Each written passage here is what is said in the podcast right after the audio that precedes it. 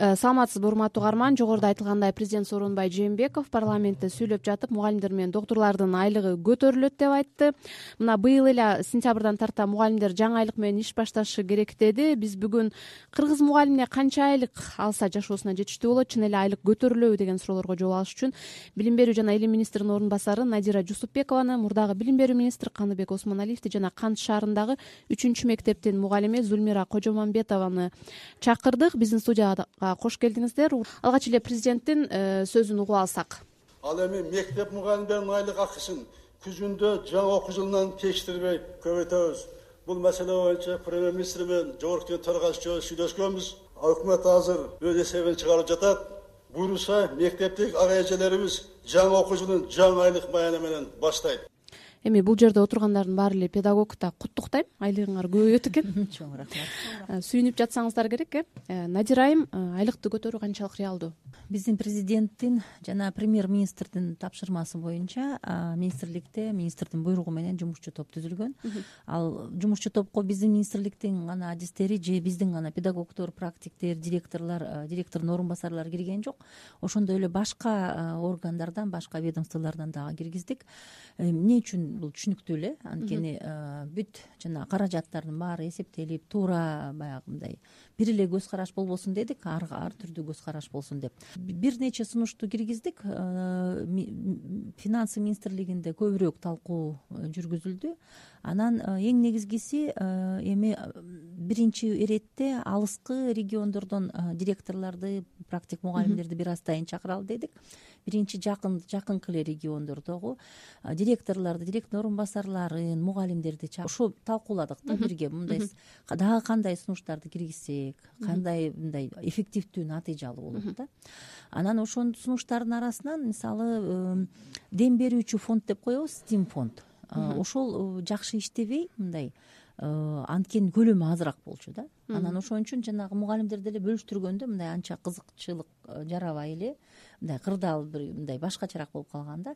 Башында анткени эки миң он биринчи жылы э, система мугалимдердин педагогдордун айлык төлөө системасы өзгөрүлбөдү беле.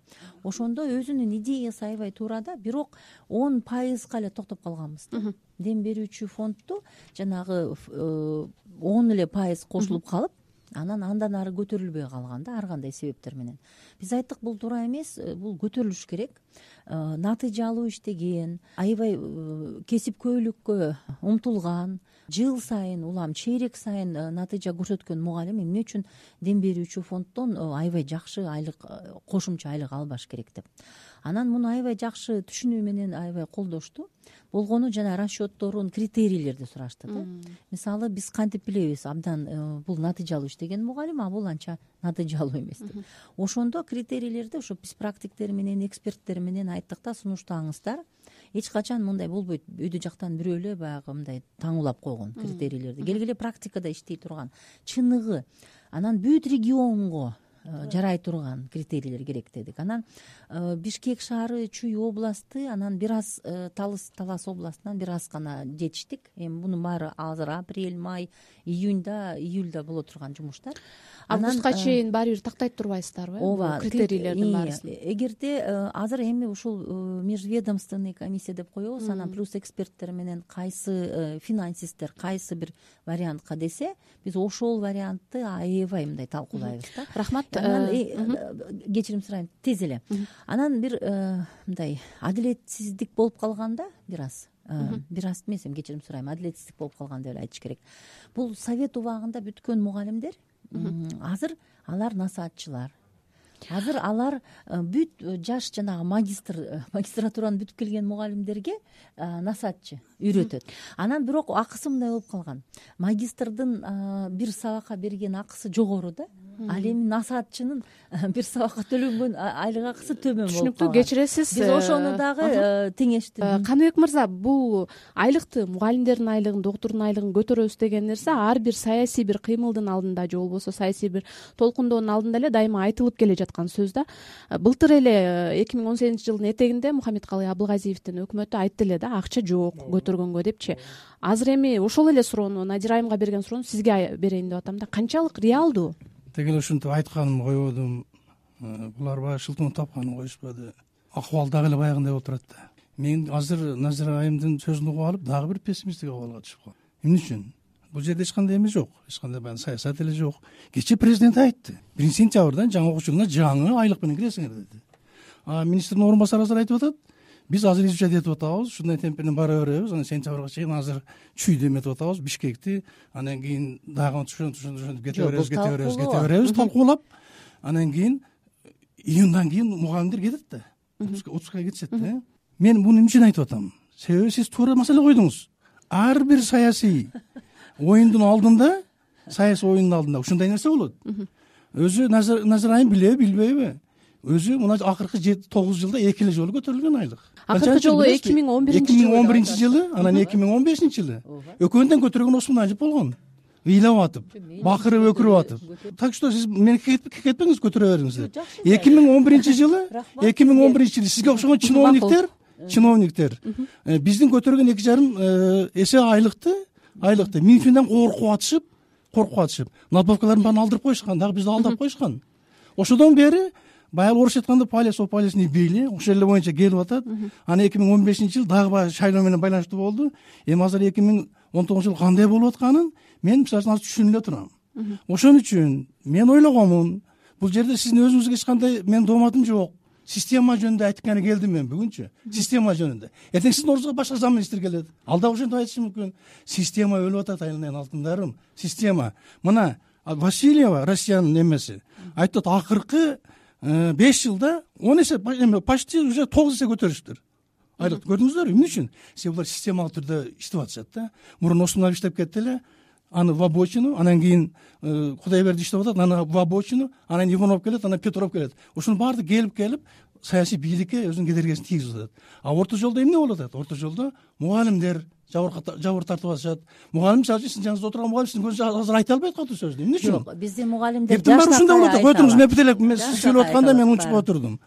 Так э, значит кеминде эки жарым эсе үч эсе көтөрүүнү кошуу менен албетте. ошол албетте. маселени көтөрүү менен көтөрүү менен. Надбавкасын кошо көтөрүш керекпи? Ошол жөнүндө сөз кылыңыздарчы. Ошол эске алынып атабы ошол ошол так сунуштар берилди. Келгиле менин сөзүмдү кимге берилди? Минфинге өкмөткө. Каржы министрлигине берилип атат мына аппарат өкмөттүн аппаратына кирип жумушчу топ так сунуштарды берип айттык эң жакшы сунуш баарына мугалимдерге так жакшы мындай шартты түзө турган сунушту кабыл алыңыздар деп ошо жумушчу топ берди. Аппаратта мына өкмөттө үч жолу талкуу болду. Алар айтып атат биз жетишебиз деп атат. Жаңы окуу жылына чейин баардык эсеп кысап баарын биз мындай эмес да биз өзүбүз эле таңуулап койбойбуз мугалимдерге ушундай гана болсун деп биз мугалимдер менен эксперт менен талкуулап туруп анан э, дароо тиги жаңы окуу жылына чейин бүт баарын даярдап коюшубуз керек. Биз ошондой тапшырма президент ошонун баардыгы даяр болгондон кийин анан айтты деп түшүндүм мен кечээчи Чындап көрсө даяр эмес экен да көрсө даапдаяр айтып атпайсызбы талкуулап атабыз деп. Эми мындайда каныбек мырза келгиле туура сүйлөйлү биз туура эле сүйлөп деген атам мен. мына биз жок менин сөзүмдү башкача бурмалабайлы. Мен сиздин сөзүңүздү бурмалаган жокмун. Мен айтып атам. президент менин кечээ сөзүмдү официалдуу бул расмий бул жерден мен кайрылуу жасады азыр э, тапшырма берилген бизге айлыкты көтөргүлө деди. Айлыкты көтөрүш үчүн иштеш керек. биз иштеп атабыз. Мындай так эле ачык эле сөз ошол бул жерден э, мугалимге сөз бергим келип жатат чындыгында тең убакыт берели кыргызстандагы кыргыз мугалими э, балдарга сабак берген мугалим канча айлык алса? Мисалы сиз канча айлык алсаңыз жашооңузга жетет да. Мен азыркы убакта балдарым кичинекей өзүм жалгыз иштейм. Ошон үчүн жыйырма беш отуз миңге чейин айлык туура болот деп ойлойм. Сизге жетмек ошол э? Эми адам катары жетмек деп ойлойм. Балдарыма билим берип азыр канча аласыз? Мен азыр он эки миң алам. Отуз саат менен кыргыз тили берем ошо он беш процент надбавка менен. Негизи эле мугалим мамлекеттин чоң күч. Мына көчө биздин президентибиз айлык акы сентябрдан баштап көтөрүлөт дегенден кийин катуу талкуу жүрдү. Мугалим баары айтышты. Мугалимдерди шайлоо алдындагы маселени көтөрүп атышат шайлоо бүткөндөн кийин эле токтоп калат деп. Мына биз замминистр айым э, надира сынташевна айтып атат эки миң он биринчи жылы э, айлык акыбыз көтөрүлгөн деп. Азыр жанагы дем берүүчү фондтун э, жыйырма пайызга көтөрөбүз деп ал он биринчи жылы эле жобо он биринчи жылы айлык акыбыз көтөрүлгөн жыйырма процент деп кошумча коэффициентке каралган бирок мен өзүм лично өзүм минфинге министр финансыга э, жогорку кеңешке барып тегерек сулуу катышып э, ошондо сыдыковго дагы министр финансыга дагы кайрылганда эмне үчүн силер бизге жыйырма процент деп жазып туруп анан ушул буйрукту аткарбай он процент берсе акча жок деп аябай ушунчалык мыскылдагандай мамиле кылышкан да отуруп алып туруп акча жок деген көрдүңөрбү эми ушул азыр сунуштардын бири мына айтып атат жыйырма процент дем берүүчү жагын карайбыз деп. Дем берүүчү жагын караганда мен мына жыйырма сегизинчи жыл мектепте иштейм. Ошо он биринчи жылдан бери мен эксперттик советте да иштеп жүрөм. Дем берүүчү жагын педсоветтин кеңеши менен эксперттик совет түзүп ар бир мугалим. Негизи адам эч качан ыраазы болбойт дем берүүчү эме жагыначы эч качан. Бул деген кандай десем моралдык жана психологиялык жактан мугалимдер коллективди аябай бөлөт. Ушунчалык мугалимдерди ушундай туңгуюк алып барат да бир жума алгандан кийин ушунчалык бири бирине көз карашы өзгөрөт. Ишине болгон ушунчалык мугалимдичи. Анткени бул коллектив деген ар кандай коллектив. Кээ бирдө шаар ичинде ушул бул башкача айыл ичинде башкача э.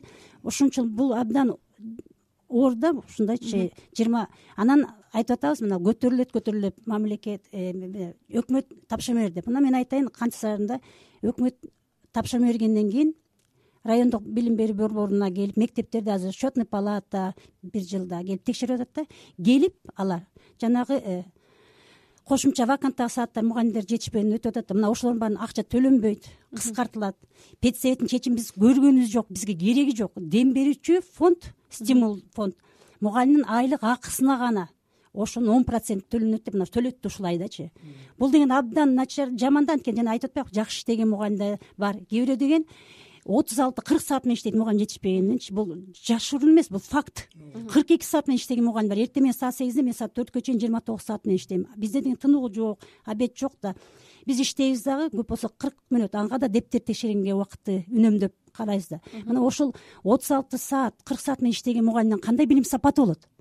Билим сапаты дем берүүчү кандай мындай өзүн иштейт дейм да. Анан бирок ошонун айлыгы көбүрөөк да например мен бир ставка менен иштеп кечкиден жанталаш иштейм олимпиадага көрсөтөм балдарымды кошумча сабак өтөм ата энелер менен иштейбиз ата энелерге сабак өткөзөбүз отуз алты саат менен иштеген мугалим он беш миң сом алса мен жети миң сом алсам дем берүүчү фонд ошол эле зарплатасына карата кошсо анда ошо көп болот. Жөн эле келип эле кетип саатын алып бул жерден э, дагы бир жалпы суроо пайда болуп атат да. Ушул дем берүүчү фонд же болбосо жанагындай проценттик ставкалар деген нерселердин баардыгы кандайдыр бир айлыкты азайтуунун же көбөйтүүнүн бир амалкөй жолдору мындай сезилип атат да. каныбек мырза? айтып алайынчы. Э, мага берсеңиз мага. мен мен эмнегедир оюмду аягына чейин уктурбай койдуңуз. мага абдан аз убакыт берип атасыз. Бул эмнеге мындай? Теңсиздик.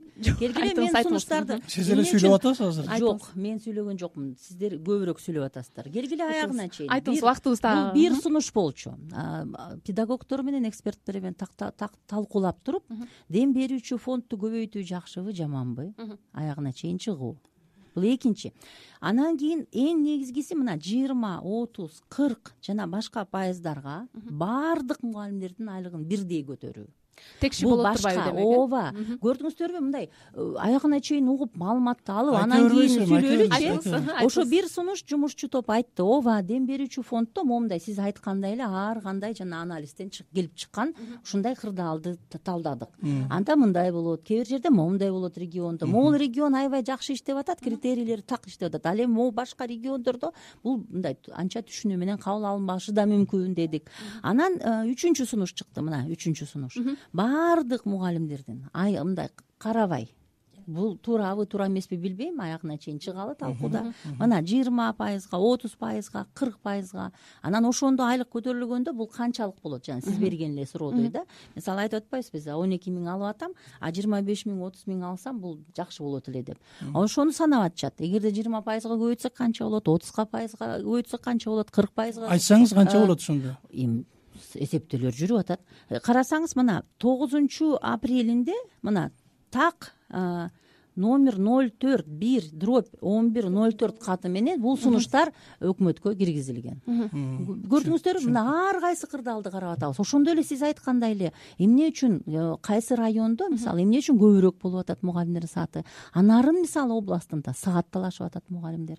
Көрдүңүздөрбү кырдаал ар кандай? Кээ бир жерлерде мисалы мага жок дегенде бир беш саат берип койгула сегиз саат берип койгула деп атат а кээ бир жерлерде кадр жетишсиздиги кадр жетишсиздиги эмес. Кээ бир райондорубузда кадр өзгөчө көбүрөөк. Кээ бир райондорубузда жетишсиз болуп атат. Бул баягы бүт областтын райондорго тиешелүү да. Ошондуктан мына система эки миң он биринчи жылы киргенде моундай кырк эки саат менен иштегенге бөгөт койгонбуз да. Анткени сиз туптуура айтып атасыз педагогдор мынча ал эми компьютер машина эмес. Ал бул кырк эки саат эмес да робот эмес ооба. Ошон үчүн мен айтып атам келгиле могу кадр маселесин чечели. Ар бир райондо. Э, жергиликтүү бийликтердин жанагы мыйзам боюнча өзүнүн аткара турган функцияларын күчөтөлү. Жер тилкеси депозиттик эсепте депозит ушундай башка бир мындай статус мугалимдин э, эгерде мугалимге жалаң эле билим берүү жактан гана колдоо көрсөтүп эле министрлик гана иштебей а башка органдар иштебей койсо болбойт да. Ошон үчүн айтып атам муну комплекстүү чечиш керек да. Айлык бир жагынан анан бир жагынан баягы жашоо шарты кырдаалы э, кадрлар. Кадрлар бизде качан сиз кырк эки саат менен иштебей э, жакшы кадрларды баягы жетиштүү даярдай баштасак? А жетиштүү даярдаганыбыз менен жанагы жер жерге барбай жатпайбы? Эмне үчүн барбай жатат жер жерге? Анткени ошол жерден жергиликтүү бийлик жагынан бир колдоо. Ошону да киргиздик айттык. Мындай болбойт. Бир эле айлыкты карап койгон бул баары бир мындай чечпейт. Бүт эме көйгөйлөрдү муну системалуу комплекстүү караш керек дедик чоң рахмат. Рахмат. Э, каныбек мырза э, ушул кайра эле жанагы суроомо кайрылып келсем айлыкты эсептөөнүн амалкөй системалары да. Э, бул системалар тууралуу эл аралык булан институту дагы айтып чыккан жазып чыккан. Кандай системалар бар ушундай бир? Мисалы өзү негизи эле жөнөкөй карапайым элге мугалимдин айлыгынын эсептелүүсү өтө түшүнүксүз да? Мына бул дискриминация системасын алганыбыз туура эмес болгон башынан. Эки миң он биринчи жылы ошол дискриминация системасы башталды да. Өзү советтер союзунун э, окуу системасынын түзүлүшү жакшы эле болчу. Айрыкча ушул акы төлөө боюнча. Ошол единый тарифный сеткадан кетпегиле деп биз какшап отурганбыз анда. Ошол единый тарифный сетканы ал эми базалык эмес да мына бүгүнкү система боюнчачы.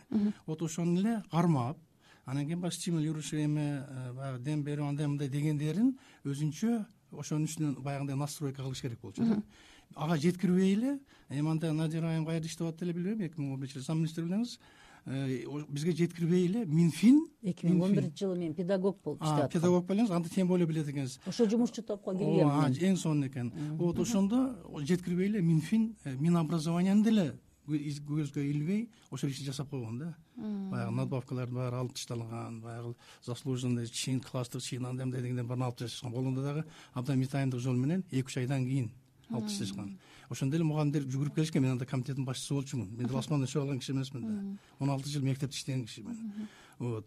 Ошондо бирок кеч болуп калган да. Анан кийин эки миң он бешинчи жылы ошону оңдойбуз деп туруп дагы шайлоо келип калды да.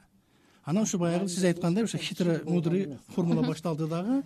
Анан ошого баягы базовый эмесин көтөрбөй. Базовый эмесин улам уламынтип көтөрүп отурбай дагы ушу баягы баягы настройкаларды менен ойноп туруп алышты да. Вот ошонун азабы келди. Мына бул жерде россиянын эмеси менен абдан жакшы изучать этип келдим. Э, мына ольга васильева өзү илимдин доктору министр образования. Булар эмне кылып атышат? Булар системалык түрдө ошол базалык эмесин кошуп көтөрүп отуруп атышат да эми буга системалык иш жасап атышат. Мен азыр эми түшүндүм. Сиз айткан жанагы базалык ооба булар дагы ошо жасап атышыптыр. Бирок мен ушинтип ойлодум эле да назира мени туура түшүнүңүз ойлодум ушулардын баары жасалып бүттү. Бүттү? Бүттү. Сунуш киргизилди. Эми сиз айтып атпайсызбы эми тиги тоолуу райондорду кийин эме кылабыз деп. Мен ошондо бир аз эме болуп кеттим да. Болду. Эми мен сүйлөп эми мен сүйлөп атам го сиз сүйлөгөндөн учуп отурдум го вот. Ошону баардыгын кечээ мындай даяр расмий э, мамлекеттин башчысы айтты эми мен абдан каалайм билим берүү министрлигине. Мен эч кандай мындай бир арам андай мындай оюм жок. Каалайм. Бизге окшогон кичи бакырчактар болбосо булар көбөйүп кетишет өзү. Вот.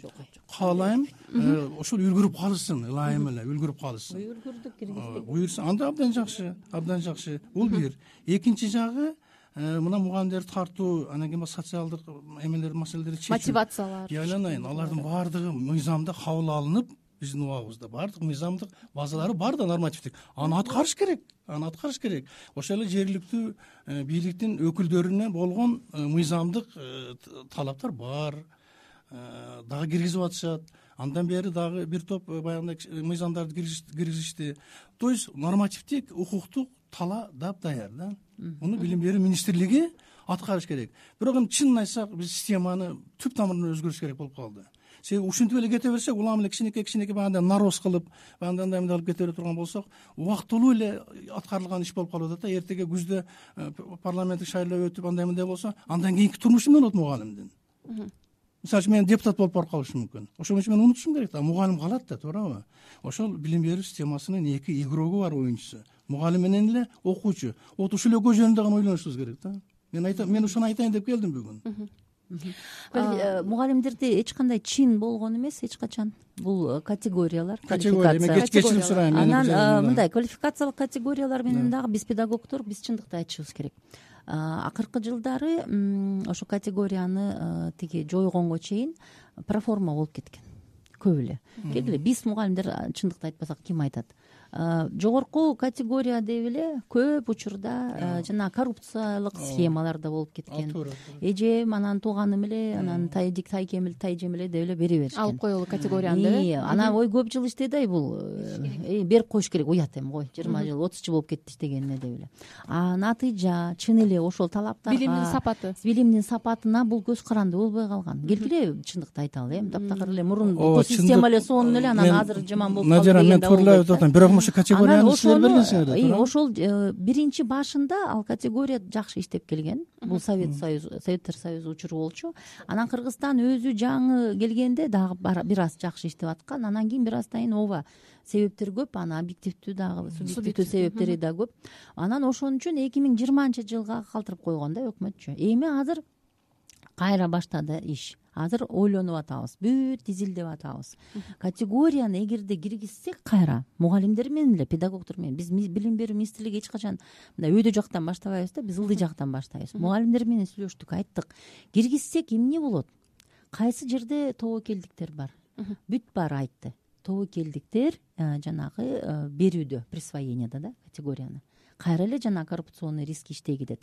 Ал болбош үчүн эмне кылыш керек деп азыр мына иштеп атат практиктер моундай сынактарды кыласыздарбы жагандай моундай ошондой сиз каяктан биле койдуңуз. Мугалимдер менен сүйлөштүңүз жок жок сүйлөшкөн жокмун ал түшүнүктүү да система өзү ошондой кетет ар кайсы ошондой эменин баарын карап атышат азыр ошол категорияга киреби мына сентябрда? Ошол категорияларды дагы биз айтып атабыз да мисалы финансы министрлиги өзү айтты. Сиздерде моундай категорияңыздар бар. Жыйырманчы жылга чейин атайын баягы өкмөт токтотурган жок он тогуз эсиңиздердеби э, деди. Күздөн баштап. Мурда эсиңиздеби эң мурда канча жыл мурун жыйырманчы жылга чейин кое тургула деп токтотурбады беле. Анткени жанагы коррупционный риски невозможно было убрать.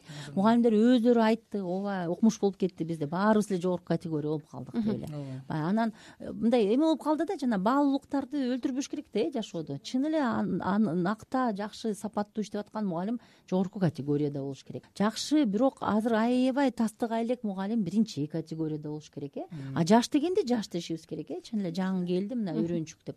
Ошол биздин баалуулуктарыбыз моундай эме болуп калган үчүн бул эметилген да демек бул жерде дагы баягы коррупциянын орду иштеп кеткен турбайбы э квалификацияларды бөлүштүрүүдө дагы. ошону бүт региондор өздөрү айтты. Ошол коррупция болуп кетти чыгара зульмира айым э, сизге дагы бир суроо.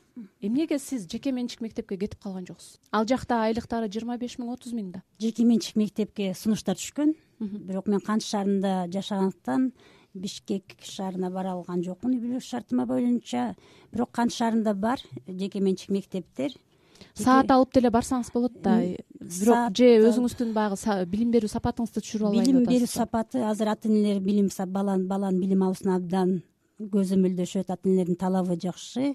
Ошон үчүн мен балдарга билим сапатты сапаттуу билим бергим келет да бир жерде эле иштейт эки жакка барып иштеп тиякта да жок биякта да жок билим сапатына көңүл бурбайт. Акча эле таап калыш керек да адам. Негизи мугалим сапаттуу билим бериш үчүн ал татыктуу айлык алып анан аз саат менен иштесин. Мына ошондо гана билим сапаты көтөрүлөт. Отуз кырк саат алып алып мен жыйырма тогуз саат менен деле чарчайм. Таң атачак келип балдарымды сабакка кайра түнүчүнө келип сабакка даярданышым керек. Мына жанагы категория деген маселесине дагы токтолуп кетейинби категория берүү мугалимдер күбө аз талап кылып атат категория бергиле деп.